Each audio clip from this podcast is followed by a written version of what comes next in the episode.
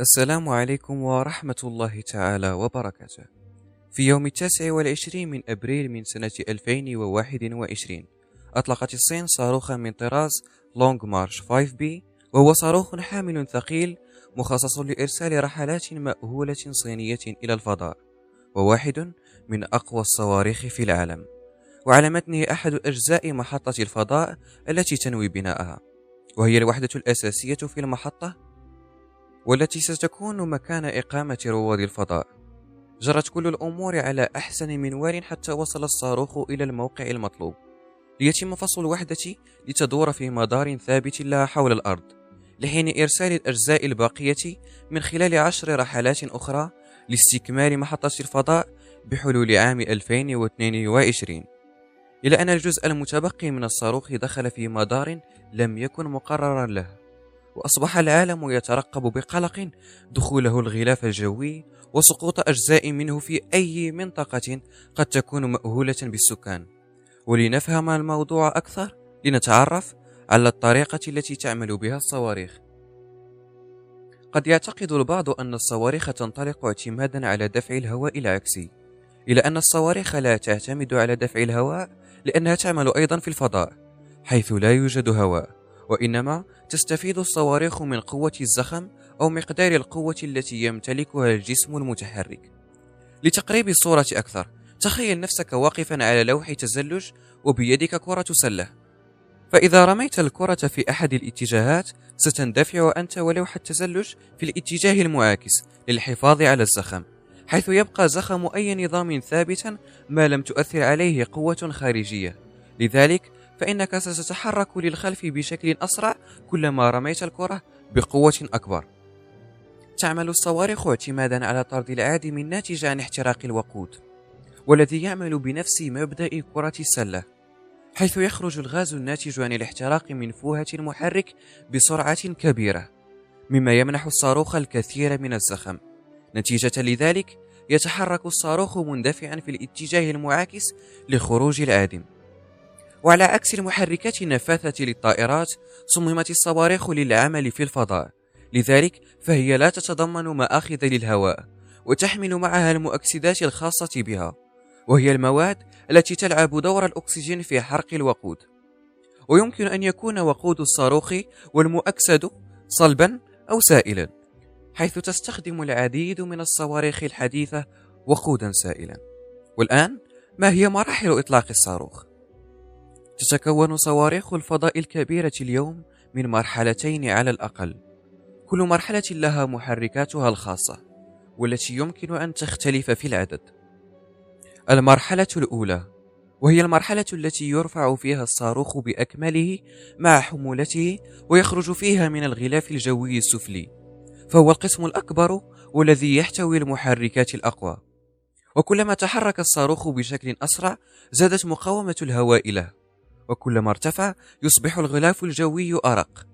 يعني هذان العاملان معا أن الضغط على الصاروخ يرتفع ثم ينخفض أثناء الإطلاق ويبلغ ذروته عند ارتفاع معين. قد يبلغ الضغط ذروته عند 80 إلى 90 ثانية بعد الإقلاع على ارتفاعات تتراوح بين 7 و 9 أميال ويختلف هذا حسب نوع الصاروخ. المرحلة الثانية بمجرد أن تنتهي المرحلة الأولى يسقط الصاروخ ذلك الجزء ويشعل محركات المرحلة الثانية.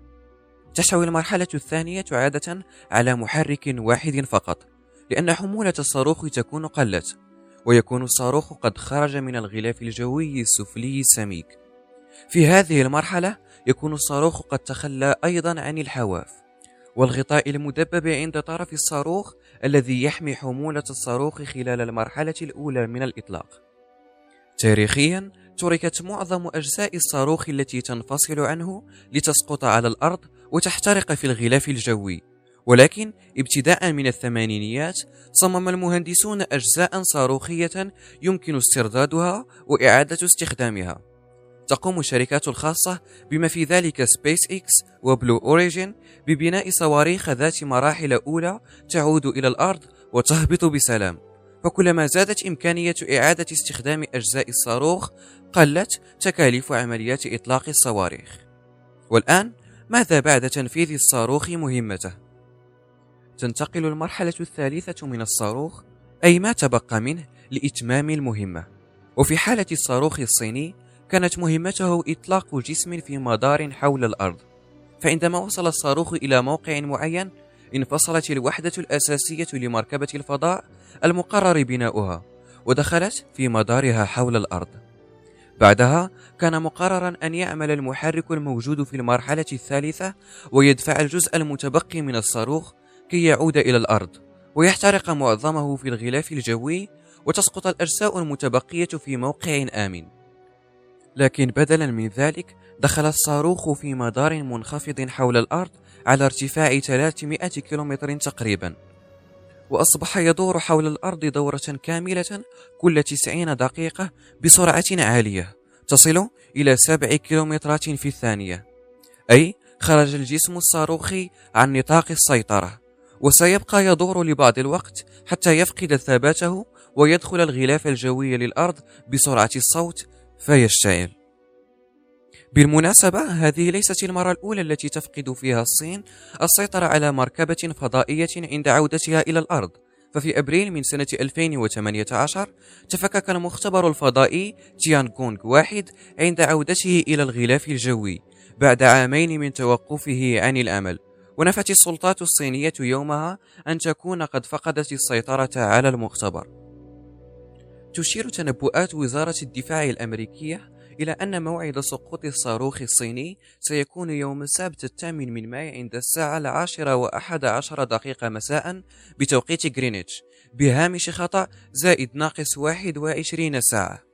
في حين تشير توقعات برنامج متابعة سقوط الأقمار الصناعية التابع لمركز الفلك الدولي في أبو ظبي إلى أن الموعد المتوقع هو يوم الأحد التاسع من ماي عند الساعة الخامسة وسبعة عشرة دقيقة صباحا بتوقيت غرينتش بهامش خطأ زائد ناقص واحد وعشرين ساعة.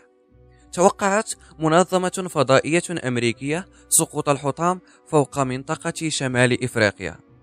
خلافا لما هو شائع بشكل مبالغ فيه فإن موضوع سقوط الأقمار الصناعية نحو الأرض موضوع عادي ومتكرر بشكل أسبوعي تقريبا. إلى أن ما يميز هذا السقوط أنه أولا لقطعة أكبر من المعدل المعتاد وثانيا أن النية كانت إعادته بشكل متحكما به إلى أنه في النهاية أصبح سقوطا حرا شأنه شأن باقي السقوطات التي تحدث بشكل مستمر. كان معكم سهيل الأزوزي تجدون المصادر في الوصف. لا تنسوا نشر الفيديو مع كل مهتم بآخر تطورات هذا الحدث. في أمان الله.